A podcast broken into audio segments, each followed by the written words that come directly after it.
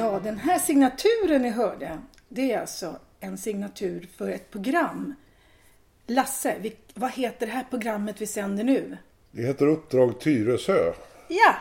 Och ni lyssnar alltså på Radio Tyresö. Och jag heter Ann Sandin Lindgren. Och jag heter Lars Alvarsjö. Ja. Och varför får du vara med i det här programmet, Lasse?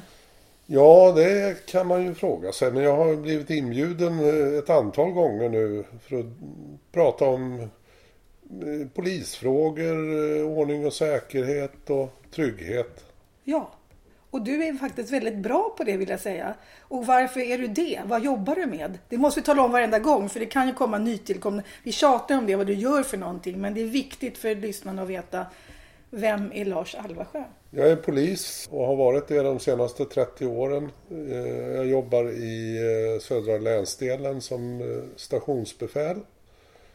Och bor i Tyresö så att jag, jag har lite extra hjärta för Tyresö kommun. Så du har koll på det lokala buset eller? Ja, hyfsat i alla fall. Hyfsat, vad bra. Ja. Och du bor ju granne med, med, med mig så jag känner mig väldigt trygg att bo här och veta att det finns en polis här. Ja. Det känns skönt. Nu spelar vi in det här programmet i slutet av sommaren. Har du haft en bra sommar? Jag har haft en jättebra sommar och det tror jag de allra flesta har haft. Alltså vädret har ju varit helt suveränt. Ja, och du hade en sen semester? Jag hade sen semester, eh, men alla hade ju bra väder ända sedan eh, maj. Ja. I stort sett. Det har ju inte regnat många droppar den här sommaren. Nej, man har, man, man har inte behövt åka utomlands för att få... Det har varit utomlandsväder i Sverige. Ja, det har det ju varit. Ja. Och du sa innan vi började här att du badade i en sjö. Ja, vi hade 32 grader i ytvattnet i, i våran sjö på landet. Så att det var som att bada i Thailand. Ja, så du badar varje dag? Ja, flera ja. gånger om dagen faktiskt. Ja, men visst gjorde man det? Ja. Och det värsta tycker jag den här sommaren, vi har ju då en liten fjällsjö uppe i Härjedalen där det brukar vara högst 17 grader så jag brukar aldrig bada. Nu var det 23 och så doppar man sig och kyles av men sen när man gick upp till huset hann man, man börja svettas igen. Så var det bara vända och gå tillbaka. Ja. Så det var ju en konstig sommar där man egentligen ville ligga i vattnet hela ja, tiden. Ja. Härligt. Men nu ska vi prata om eh, den sommar som är om ja, vad som har hänt rent polismässigt när det gäller till exempel brott eller kriminalitet och sånt. Och min sommar som jag läste i nyheterna det började faktiskt med Almedalsveckan som var ganska tidigt på sommaren. Och då pratar man ganska mycket om NMR, alltså nazisterna i Almedalen som fick jättemycket publicitet. Och i samband med det så ifrågasatte man väldigt mycket polisen. Varför polisen inte stoppar NMR eller demonstrationen. Hur funkar det egentligen? Vilka, vilka befogenheter har polisen att stoppa demonstrationer? Ja, polisen får ju ofta kritik i de här sammanhangen eh, när man beviljar tillstånd till demonstrationer och eh, olika evenemang. Och det där har ju att göra med vår grundlagsskyddade rättighet att uttrycka ås åsikter. Så att polisen har ju begränsade möjligheter att sätta stopp för eh, demonstrationer och olika politiska möten. Men om man är där och, man, och om de hetsar mot folkgrupp på mötet, då får man stoppa det va? Eh, då kan man stoppa det antingen direkt på platsen eh, eller att man lagför de som har gjort sig skyldiga till brott i efterhand. Men de får prata? Ja, det får de göra. Och eh, alla har ju rätt att uttrycka sin åsikt oavsett hur galen, ja, hur galen eller hur illa man tycker om den. Ja, för det är väl själva grejen med yttrandefrihet. Ja. Den skyddar ju inte liksom snälla människor som pratar snällt. Det är inte därför man har en yttrandefrihet utan det är väl för att folk ska få säga vilka egentligen, att man, är, att man får, den skyddar egentligen alla knäppa åsikter. Ja, så länge du inte bryter mot, mot lagen så har du ju rätt att uttrycka vilka åsikter du vill egentligen. Ja, man får inte förtala folk va? Nej, det, det, det får man ju inte göra. Och man får heller inte störa en politisk sammankomst eller ett politiskt möte. Så att motståndarsidan som har skett i vissa fall eh, dyker upp och stör ett politiskt möte. Som har tillstånd? Ja, då, då, då begår, ju de, eller begår ju de ett brott. Mm. Men, men just NMR som folk är väldigt rädda för. Det har varit ju väldigt mycket snack kring det. Eh, om man då vet så här, nu kommer folk bli rädda för de här. För då kom, de var ganska läskiga när de står där med i armarna i kors och försöker skrämma folk med lite, ja. Det, det kan de göra. Det finns inte så här störande av ordning bara för att de, folk blir rädda för dem. Nej, ofta så är ju de här väldigt Eh, pålästa vad, vad de kan göra och inte göra under de här förhållandena. Och jag var själv eh, och lyssnade på ett eh, tal här under sommaren. Då NMR dök upp. Och man kommer ju och marscherar in på den här platsen där, där talet ska hållas. Och man har ju faner och man får ju lätt associationer till 30-talets Tyskland ja, kan jag ja. säga. Och de står stilla och bara skrämmer egentligen. Ja. Och folk blir rädda. Ja, och, men de, de gör sig inte skyldiga till något brott eller stör ordningen på något vis. Därför så kan man ju inte göra någonting åt Och det är väl det som är grejen med polisen. Ni följer bara den lag som finns. Ja, så är det. Så ni får ju liksom inte säga så här, så här tycker vi och sen ta bort en person. Nej, nej. Och det, vi, vi har väldigt små möjligheter att avslå en begäran om att få demonstrera Ja. i förväg. Då ska det vara väldigt påtagligt att det är fara för ordning och säkerhet eller stora trafikproblem eller...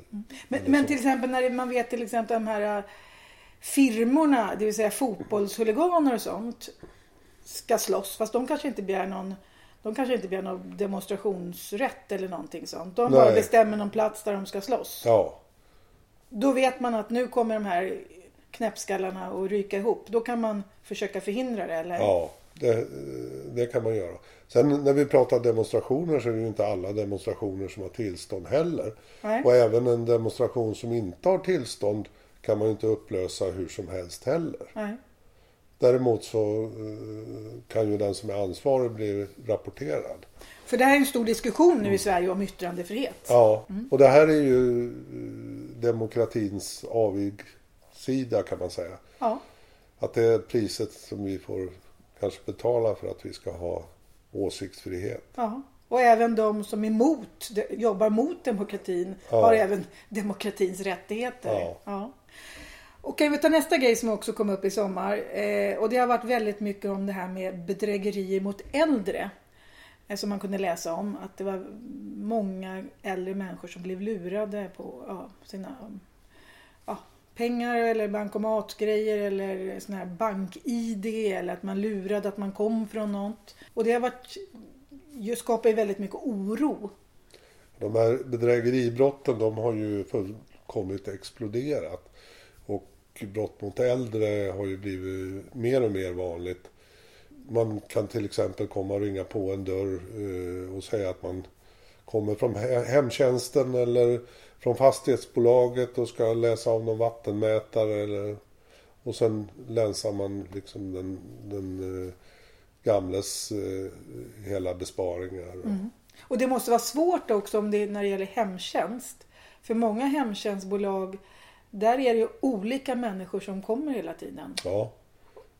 Så, Så, att så, kan kan, det ju vara att man kan ha ju må, många eh, så att säga som, som eh, besöker en varje dag. Och då är det inte så lätt att veta att just Nej. den här personen Nej. inte är från hemtjänsten. Nej. Nej.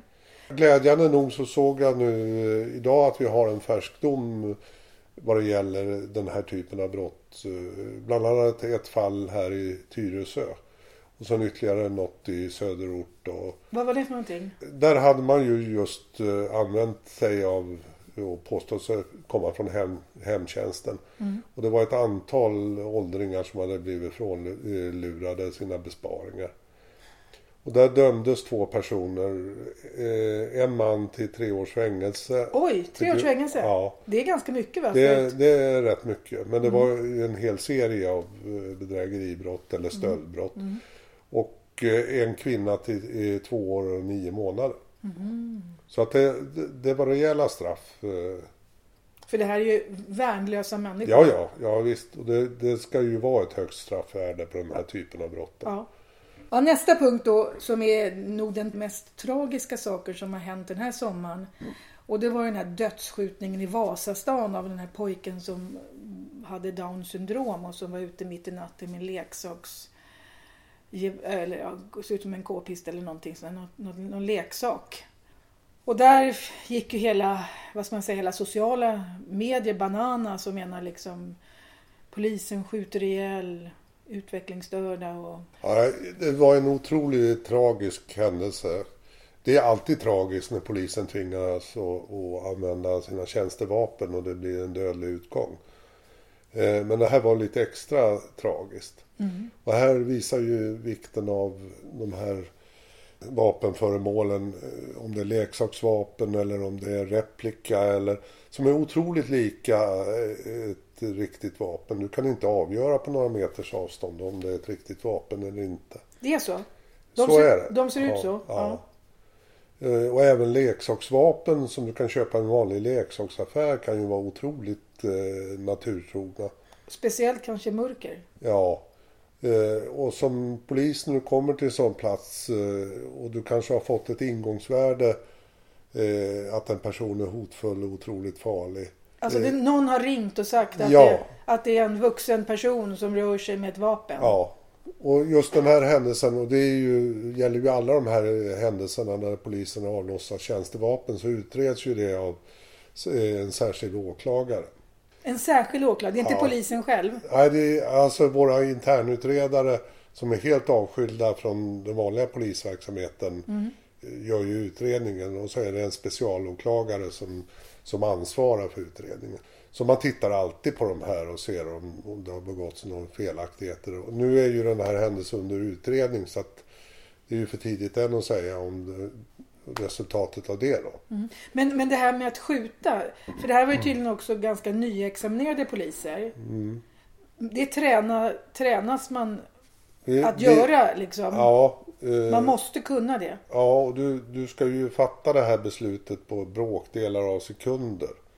Och står du framför vad du tror är ett riktigt vapen så chansar du ju inte och liksom vänta på att något, vad, vad gärningsmannen ska göra. Nej. Och du skjuter inte i benet eller någonting sånt. Nej, är det en nödvärnsskjutning då, då, då går det ju väldigt snabbt. Då skjuter du ju liksom för att rädda ditt eget liv eller På den andras. största Ja. delen av kroppen. Ja, Och bara som en parallell till det här. Så jag gör lite, lite radioprogram uppe i Härjedalen. Då i vår lilla färg, vår lilla by, så är en stor björnfäll där. Så jag intervjuade faktiskt den killen som hade fällt den här björnen och sa Hur, vad hände? Och då sa han så här att hans hund hade sprungit iväg. Och så att det är tyst så han började gå mot hunden. Och då hade det varit tydligen så att den här björnen hade tagit ett byte och trodde att hunden och han skulle sno det från honom. Så plötsligt ur skogen så kom alltså en björn springande mot, mot honom. Och utan att han visste hur han gjorde så lyckades han få dit sitt vapen och sköt björnen. Mm. Eh, och efter att man räknade ut att han hade två och en halv sekund på sig att skjuta. Alltså från det han såg, den sprang så fort. Eh, och det, allt det han gjorde, nu kan han inte göra med mantla och hit och dit och stoppa kulor och allt sånt där. Men han gjorde allting automatiskt. Det var ingenting som han tänkte. Och han sköt den tydligen mitt i hjärtat och så föll den ihop. Och han sa det liksom. Det här var någonting som han är tränad att gö- göra i och med att han är jägare. Så att det skedde automatiskt. Och det var ingenting som han efter kan tala om hur gjorde han. Utan han bara gjorde det och sen var det klart. Och det är ju en, en situation som kan, som kan appliceras på, på den situation som en polis kan råka ut för också. Vi tränar ju också olika situationer eh, att hantera skjutvapen. Så det här sitter ju, ska ju sitta i ryggmärgen. Ryggmärgen ja. Men i de här situationerna som går liksom blixtsnabbt så får du ju ett ot- otroligt adrenalinpåslag. ja. Så att du måste ha det liksom intränat så att du inte behöver fundera så mycket i de här situationerna. Utan då, då ska du ju agera blixtsnabbt. Men varför får polisen så mycket kritik? För nu sägs det att polisen har skjutit mycket mer och fler människor har dött. Mm, rent statistiskt är det ju inte så utan slår man ut över ett antal år så, så är det ju, ligger det ju konstant på en, eh, ett antal skjutningar varje år med dödlig utgång.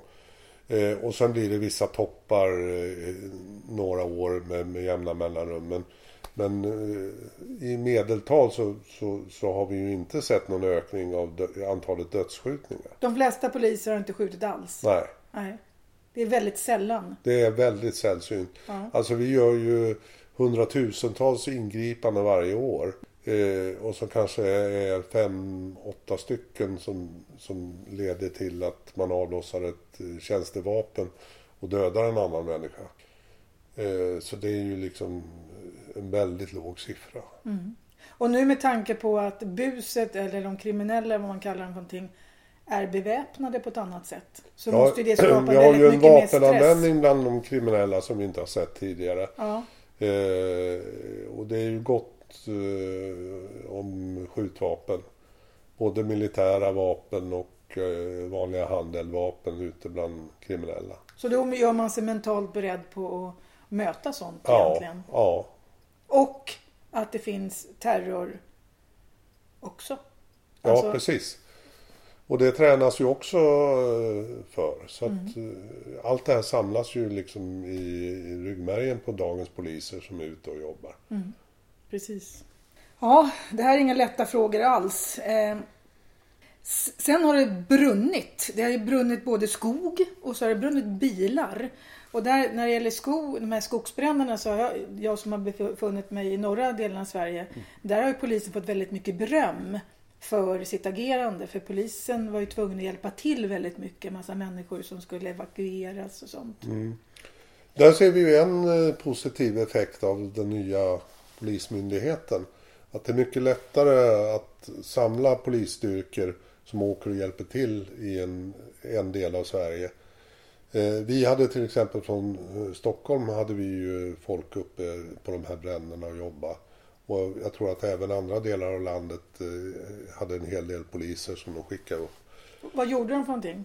Ja, de skötte avspärrningar och evakueringar och utrymningar i, i första hand. Ja, vi kunde inte åka den väg vi brukade åka. Nej. Och när vi åkte hem sen när avspärrningen var borta så var det 50 vägar överallt Ja. där, där det hade brunnit. Och stoppförbud, man fick inte stanna och man fick inte åka in på småvägarna.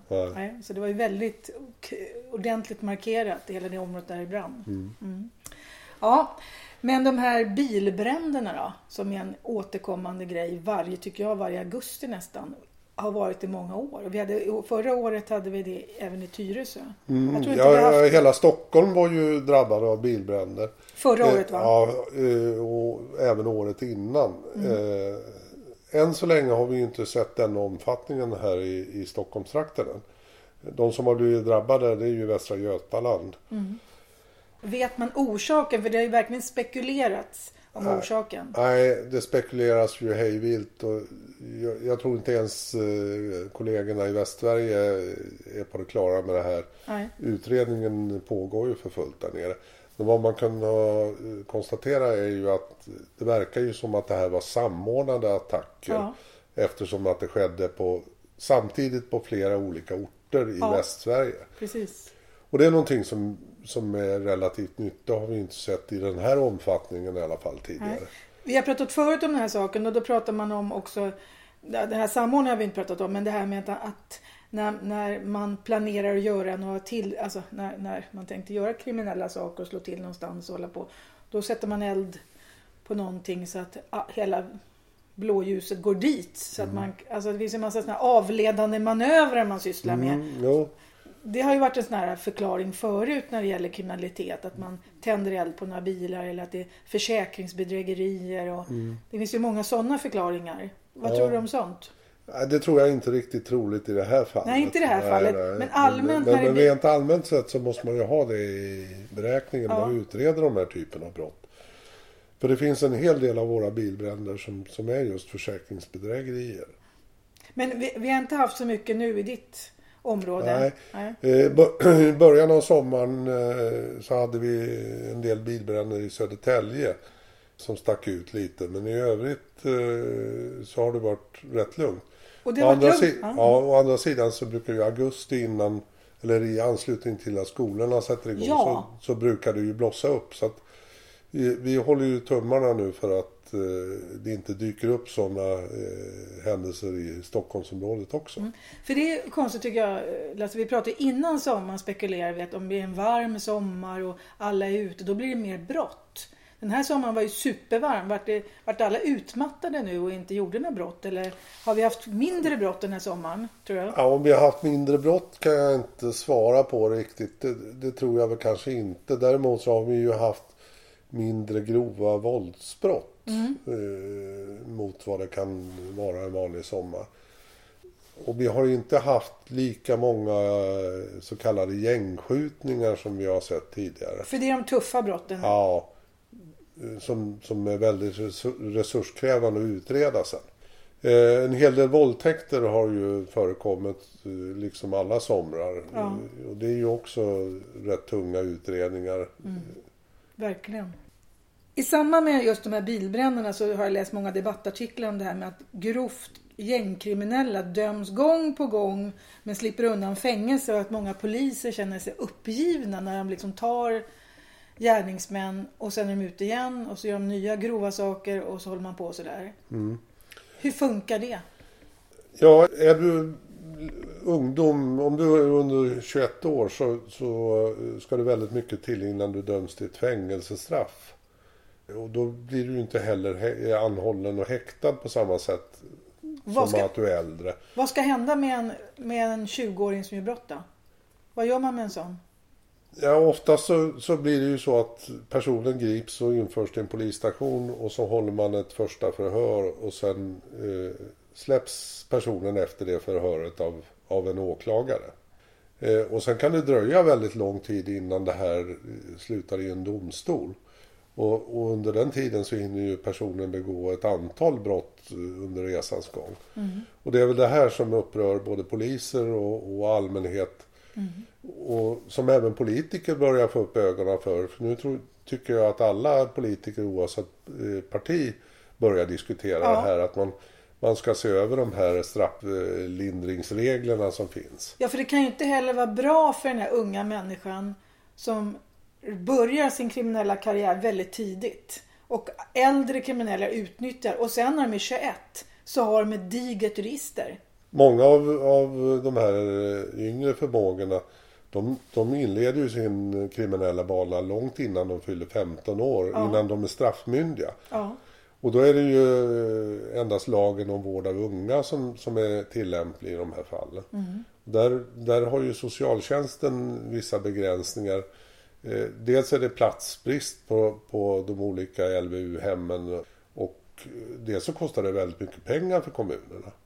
Eh, så där har vi ju ett problem att vi behöver fler platser eh, och då pratar vi låsta platser för de här, de här kan inte ju de måste ju hållas inlåsta annars så avviker de ju direkt. Och de blir väl ganska förhärdade brottslingar man får hålla på då ända fram till 21-årsdagen innan det händer ja. någonting va?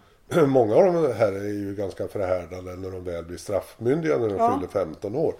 Då är det ju, många av de här är ju ganska grovt eh, kriminellt belastade. Mm. Även alltså, som 15-åringar menar Ja, Aha. absolut. Mm. Och de används ju då av de här kriminella gängen som, som hantlangare. De får ju förvara vapen och gömma narkotika och, och all den, mm. den hanteringen. Just för att de man vet att de blir oftast inte frihetsberövade. Nej, precis. Ja. Ja. ja, man blir lite så här. Men om vi då går till en positiv grej också när du säger att nu börjar man liksom få upp ögonen för det här. Nu är ju alla politiska partier också överens om att det måste bli fler poliser. Det är ju fantastiskt bra. Och att nu ska man nu har tydligen en utredning från regeringen kommit fram till att det ska bli lättare för polisen att kameraövervaka. Det ska tydligen alla vara överens om också. Det här. För det har varit väldigt krångligt att övervaka. Ja, eh, det har varit väldigt svårt att få tillstånd eh, för att sätta upp eh, övervakningskameror. Det är väldigt restriktiva regler sedan tidigare. Vi, vi, får ju inte ens ha kameraövervakning på våra skyddsobjekt, alltså våra polisstationer som vi tycker krävs.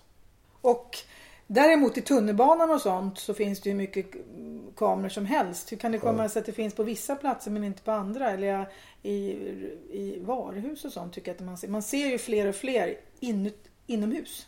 Ja, där kan det nog skilja sig eh, från varuhus som, som eh, inte är en offentlig plats på samma sätt som ett torg eller, eh, eller en gata eller så. Men det vore ju bra om man lättade på de här reglerna så att polisen i, i större utsträckning kan snabbt sätta upp kameror om det skulle behövas. Ja, och det var tack vare det man, man lyckas det, gripa Ak Akilov. Ja. ja. Annars hade man ju inte vetat. Jämför, och jämför du med många andra länder ute i EU. Eh, ta Storbritannien till exempel där det sitter kameror i, i var och vartannat gathörn. Så löser ju det väldigt mycket av de här spontana brotten. Ja, precis. precis. Ja, jag tänkte att vi, vi håller på att summera upp sommaren här. Men jag tänkte att vi skulle avsluta det här programmet med en väldigt positiv grej. Det är både vissa saker positiva men vissa saker väldigt jobbiga. Och både du och jag har lyssnat på ett sommarprat den här sommaren. Vem har vi lyssnat på? Vi har lyssnat på våra nya rikspolischef Anders Thorberg. Ja! Alltså jag tyckte jag blev jätteglad att lyssna på honom. Ja, han hade ett, eh, som jag tycker, väldigt bra sommarprogram. Ja. Eh, med en liten positiv touch. Eh, han pratar inte bara eh, de problem som vi står inför utan lyfte även fram att det, det pågår en hel del bra polisarbete ute ja. i Sverige. Ja. Man fick väldigt bra förtroende för honom. Ja. Och nu är jag i allmänhet, hur, hur, ni som är proffs på det här, hur ser ni på honom när han pratar? Ja, han är ju polis i grunden. Han har ju själv gått den långa vägen. Han har eh, haft olika funktioner inom eh, Polismyndigheten och Säkerhetspolisen. Han är otroligt kunnig och påläst. Och han eh, har ett stort förtroende bland alla polisanställda. Skulle jag och han har ändå suttit ett, ett bra tag nu va? Ja. Och det är väl ganska positivt att man inte Alltså ni, ni har haft många olika poliser som inte, eller polis, rikspolischefer som ni inte alltid varit så nöjda med. Mm. Den förra var ni absolut inte nöjd med. Nej. Mm. Eh, han går väl inte till historien som eh, någon... Stjärna? Nej. Nej. Och det, det jag tyckte var... Jag, jag lyssnade på honom och tänkte... För det första var han väldigt, vad ska man säga, eh, saklig och sanningsedlig. För att nu pratar ju alla om att man ska skaffa mer poliser. Och då sa han så här, som jag hörde, att idag är ni 30 000 anställda, alltså både poliser och civilanställda. Mm. För det är inte bara poliser som är 30 000. Och nu säger, säger politikerna att, man ska bli, att ni ska bli 10 000 fler. Eh, men samtidigt så kommer en massa människor sluta under den här perioden. På sex år ska ni bli 10 000 fler. Och då talar han om att ni var tvungna att rekrytera 22 000 personer på sex år. Och då börjar man begripa att det är ingen liten siffra. Nej, eh, och vi har ju svårt att, att attrahera nya poliser ja. idag. Alltså många platser står ju tomma på polisutbildningarna runt om i landet idag. Ja. Eh, så att det, det gäller ju liksom att eh, man förstår problematiken och av vidden av ja. vilken mängd poliser man måste, och civilanställda, för ja. det var ju både och. Ja. Ja. ja, vi har ju alla våra passkontrollanter, vi har de som bemannar våra receptioner, utredningsassistenter. Vi har ju massor Fullt. med civilanställda som, som gör ett jättejobb inom som myndigheten. Som också behövs. Ja. Så det här är ju, men det, det, känns ju inte som att han låtsas som att det här ordnar sig hur lätt som helst utan verkar förstå problematiken. Ja, ja. Det visst. gillade jag. Ja. Och sen så sa han ju också så att Sverige är i grunden ett tryggt land men problem, problem saknas inte. Jag gillar när folk säger problem istället för utmaningar. Utmaningar det är, det är att åka Vasaloppet men problem är när till exempel han sa att växande organiserad brottslighet, ökad terrorhot, mord och internationella stöldligor. Så det känns ju som att han inte bangar för att tala om hur det är. Nej, Nej men så är det. Och Ibland när man läser media och ser på TV så kan man ju tro att eh, Sverige är som Chicago var på 30-talet. Men riktigt så är det ju inte. Nej, utan, så är det inte heller. Nej, vi är ju fortfarande ett relativt tryggt samhälle. Ja. Däremot så har vi ju en hel del problem som vi måste komma till rätta med. Ja, och det känns ju väldigt bra att den som är rikspolischef ser dem. Ja, Ja, och förstår, alltså, förstår att, de måste göra något åt, eller att, man måste göra någonting åt det och inte bara komma med sådana floskler. nej. Man är väldigt trött på floskelgubbar. Precis, och det har vi ju inte sett mycket från Anders Thornberg. Utan han har ju, han har ju rest runt i polis-Sverige och samtalat med, med kollegor och tittat på olika typer av verksamhet. Och tagit in liksom synpunkter. Eh, innan han eventuellt tar några eh, beslut eller ändrar i någonting. Det ska bli väldigt spännande att se hur han, hur han vill driva eh, Polismyndigheten framöver. Ja. Nu har det ju kommit eh, en, eh, ett måldokument som tar sikte på, på ett antal år framåt i tiden. Har du läst där, det? där man lyfter olika problem. Mycket av det här som du nämnde till exempel. Mm. Och att vi, vi ska komma närmare medborgarna, bli bättre på brottsuppklarning eh, och brottsförebyggande arbete till exempel. Och det, det som var intressant tyckte jag, att, det, att han pratade om det här med renodla polisens uppdrag och effektivisera verksamheter. Därför att ni gör en massa jobb som egentligen inte är polisjobb. Och det är en av våra stora problem att vi bedriver taxiverksamhet idag. Vi kör, Taxiverksamhet? Ja, vi kör ju personer åt eh, psykvården mellan olika vårdinrättningar och det kan ju vara liksom ganska många mil eh, enkel resa. De här ungdomarna som är omhändertagna enligt LVU eh, som ständigt rymmer, alltså vi kan, vi kan transportera samma ungdom kanske tre fyra gånger på en vecka. Eh, 20-30 mil. Precis. Och sen pratade han tror jag också om det här med att ta hand om alkoholister. Att låta folk bli nyktra på en polisstation. Tillnyk- tillnyktring, det tyckte han inte heller egentligen var ett rent polisuppdrag. Nej, eh, men rent allmänt sett så, så, så de fallen där de är så berusade så att de behöver tillnyktring så är oftast eh, de stökiga och våldsamma samtidigt. Ja, och där okej. har vi ju ett problem då. Ja.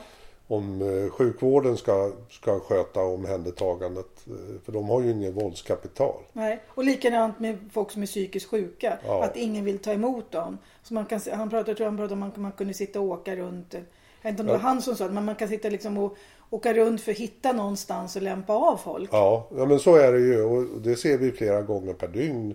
Eh, Man åker till en vårdinrättning där man vägrar ta emot vederbörande och så får man sitta och åka runt till eh, man hittar någon som kan ta emot personen. Mm, Så sådana sociala grejer skulle man egentligen kunna avlasta polisen Ja, från. ja, Så han absolut. verkar ju liksom leva en verklighet. Jag tyckte att han beskrev den väldigt bra. Ja. Utifrån det ni har berättat Ja. i det här programmet också. Det kändes som att han levde i verkligheten. Ja, Ja. Och det är ju någonting positivt. det är jättepositivt eh, att vi för en gångs skull har en rikspolischef som har fötterna på jorden. Ja. Och som verkar också nu ha politikernas öra. Ja, Tror du att valet kommer innebära någon förändring med, oavsett vilken... Alltså, eh, för det är många som lovar saker inför valet. Sen kan man ju tycka att de kan, man kanske kunde göra redan nu om man är så överens. Man behöver inte vänta till valet. Men polisfrågor verkar ju vara viktigt. Alltså brott och straff eller alla de här trygghetsfrågorna verkar vara väldigt viktiga i ja valet. nu har ju de olika partierna försökt övertrumfa varandra både gällande antalet poliser och eh, polislöner. Ja, Och än så länge har vi inte sett några reella satsningar på polisen. Så att vi får väl se efter valet nu om, om man eh, står upp för det man har sagt i valrörelsen. men man verkar vara väldigt överens i alla fall. Ja, och jag tror att alla är medvetna om att vi behöver en uppvärdering av polisyrket. Och vi behöver fler poliser. Ja. Jag tycker vi kan sluta där i lite positiv ande här och hoppas att folk går och röstar och har tagit reda på vad, vad de olika partierna tycker i de här frågorna. Tack så mycket Lars Alvasjö som är, återigen talar om vad, vad din titel är. Polisinspektör och stationsbefäl. Bra. Tack för att du kom hit. Ja, tack för att jag blev inbjuden. Ja, är, du är så välkommen till det här programmet. Och programmet som ni har lyssnat på heter vad då, Lasse? Uppdrag Tyresö. Ja, och ni har alltså lyssnat på Radio Tyresö 91,4 och jag heter Ann Sandin Lindgren.